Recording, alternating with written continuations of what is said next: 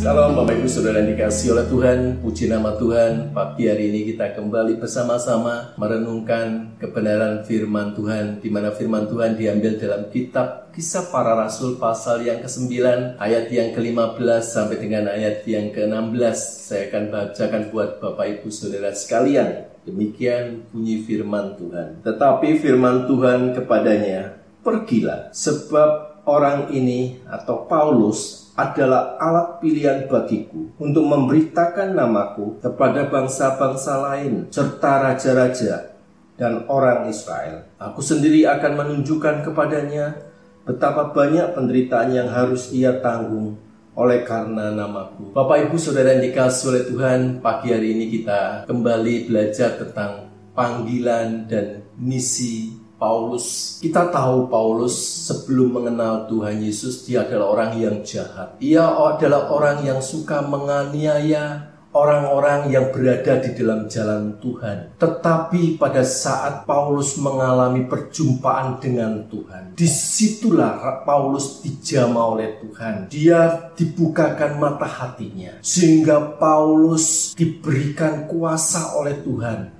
untuk memberitakan kebenaran firman Tuhan. Dia lebih berani memberitakan Injil.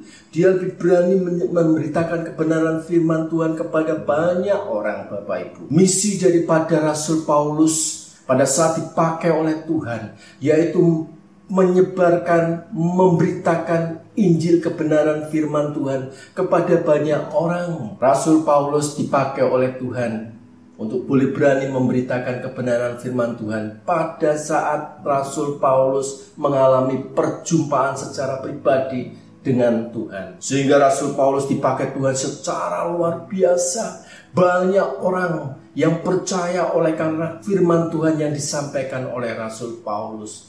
Demikian pun juga dalam kehidupan kita Bapak Ibu pada saat kita mengalami perjumpaan secara pribadi dengan Tuhan, mengenal secara pribadi dengan Tuhan, di situlah panggilan kita untuk boleh memberitakan kebenaran firman Tuhan, menceritakan kebaikan Tuhan kepada banyak orang, terlebih khusus kepada saudara-saudara kita, keluarga kita, teman dekat kita, Bapak Ibu. Biarlah kita seperti Rasul Paulus dipakai oleh Tuhan untuk terus lebih berani memberitakan Injil kebenaran firman Tuhan. Demikian kebenaran firman Tuhan pada pagi hari ini. Kiranya Tuhan Yesus memberkati kita semua.